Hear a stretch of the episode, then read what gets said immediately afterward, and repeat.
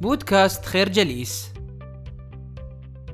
في كتاب التهم هذا الضفدع يخبرنا براين تريسي بمثل قديم هو إذا كان أول شيء تفعله كل صباح هو أكل ضفدعة حية فيجب أن تكون راضيا عالما بأن من المحتمل أن يكون هذا أسوأ شيء تفعله طول نهارك.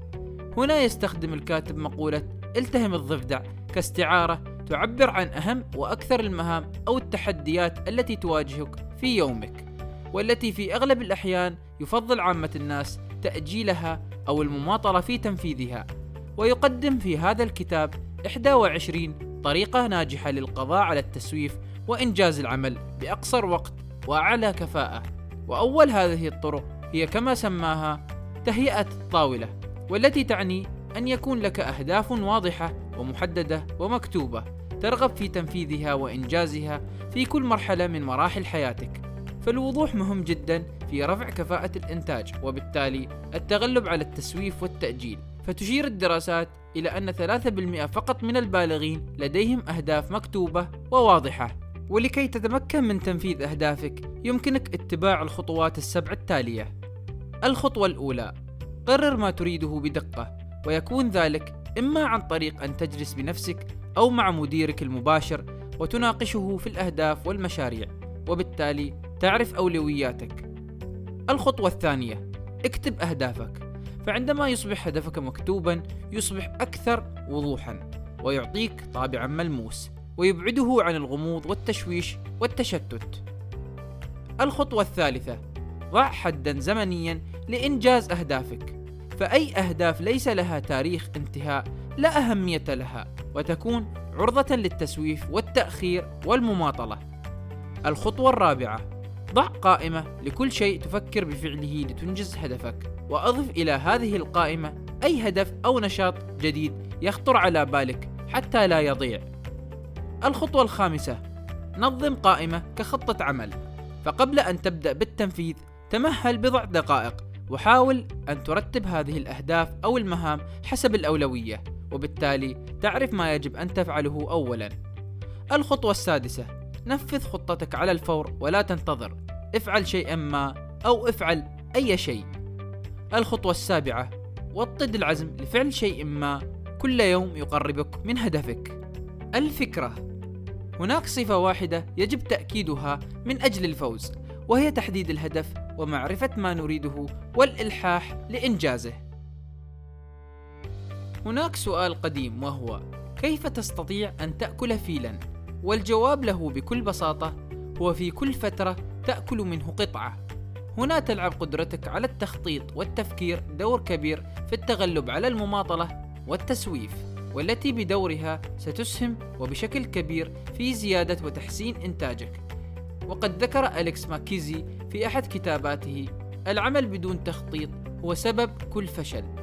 وتخبرنا الدراسات بأن كل دقيقة تقضيها في مرحلة التخطيط توفر عليك ما يعادل عشرة دقائق في مرحلة التنفيذ.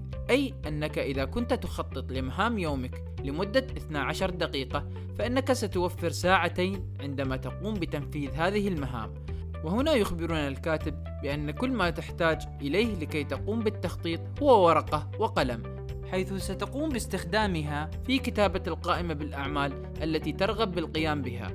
وهذه القائمة ستساعدك في زيادة إنتاجك ومحصولك بنسبة 25% أو أكثر. ويجدر العلم بأنك ستحتاج إلى أنواع مختلفة من القوائم وهي أولا القائمة الأساسية وهي القائمة التي تحتوي على كل شيء تفكر فيه وترغب في القيام به في المستقبل وهو المكان الذي تكتب فيه كل ما يطرأ على بالك وكل المهمات والمسؤوليات الجديدة التي تطرأ عليك وتلقى على عاتقك.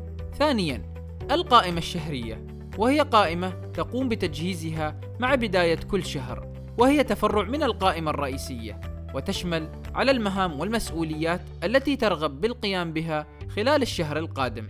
ثالثا القائمة الأسبوعية وهي قائمة تقوم بتجهيزها مع بداية كل أسبوع وهي تفرع من القائمة الرئيسية. وأخيرا القائمة اليومية وهي تحتوي على بعض المهام الموجودة في القائمة الأسبوعية وتقوم بتحضيرها مع صباح كل يوم. الفكرة التخطيط يجعل من المستقبل حاضرا لذا يمكنك أن تفعل شيئا اتجاهه من الآن. يلعب ترتيب الأولويات دور كبير ومهم في جعلك أكثر فاعلية في إنجاز المهام الموكلة إليك. وهناك طريقة تدعى ألف باء جيم دال ياء تساعد في ترتيب الأولويات بكل سهولة ويسر. وهذه الطريقة تعني أن تضع حرف أمام كل مهمة موجودة في قائمة المهام التي قمت بكتابتها. وهذا الحرف يمثل درجة أهمية هذه المهمة. فالحرف ألف يعني شيء مهم جدا وإن لم تفعله سيترتب عليك عواقب وخيمة مثل إعداد تقارير لمجلس إدارة شركتك أو التواصل مع أهم زبائنك. ويجدر بالذكر أنه إذا كان هناك أكثر من مهمة تحمل الحرف ألف فعليك أن تقوم بترتيبها حسب الأهمية. وبالتالي تتكون لديك مهمات على النحو ألف واحد ألف اثنين ألف ثلاثة وهكذا. وتكون المهمة ألف واحد هي أبشع ضفدع عليك التهامه.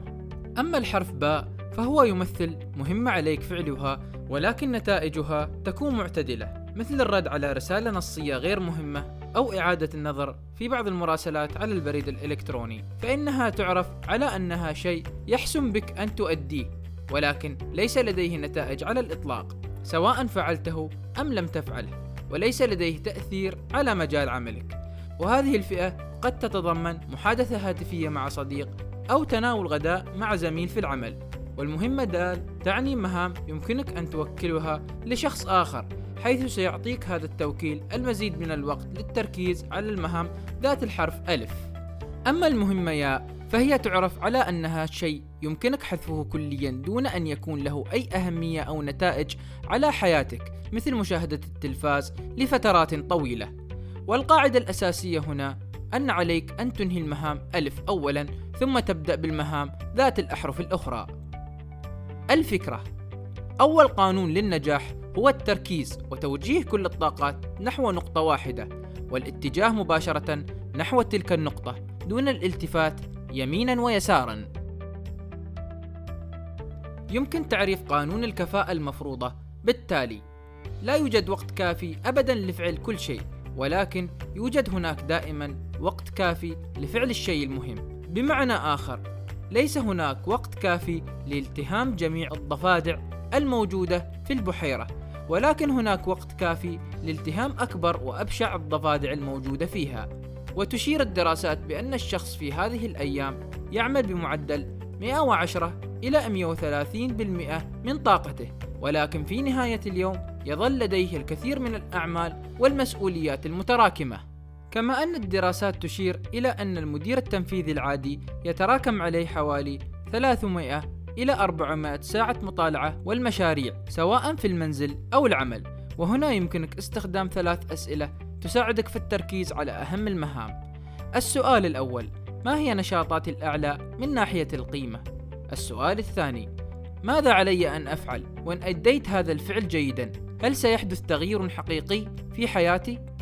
السؤال الثالث ما هو الشيء الأكثر قيمة بين ما أؤديه بشكل صحيح حاليا؟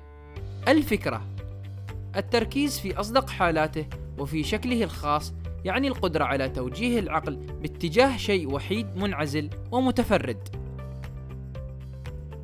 نشكركم على حسن استماعكم. تابعونا على مواقع التواصل الاجتماعي لخير جليس.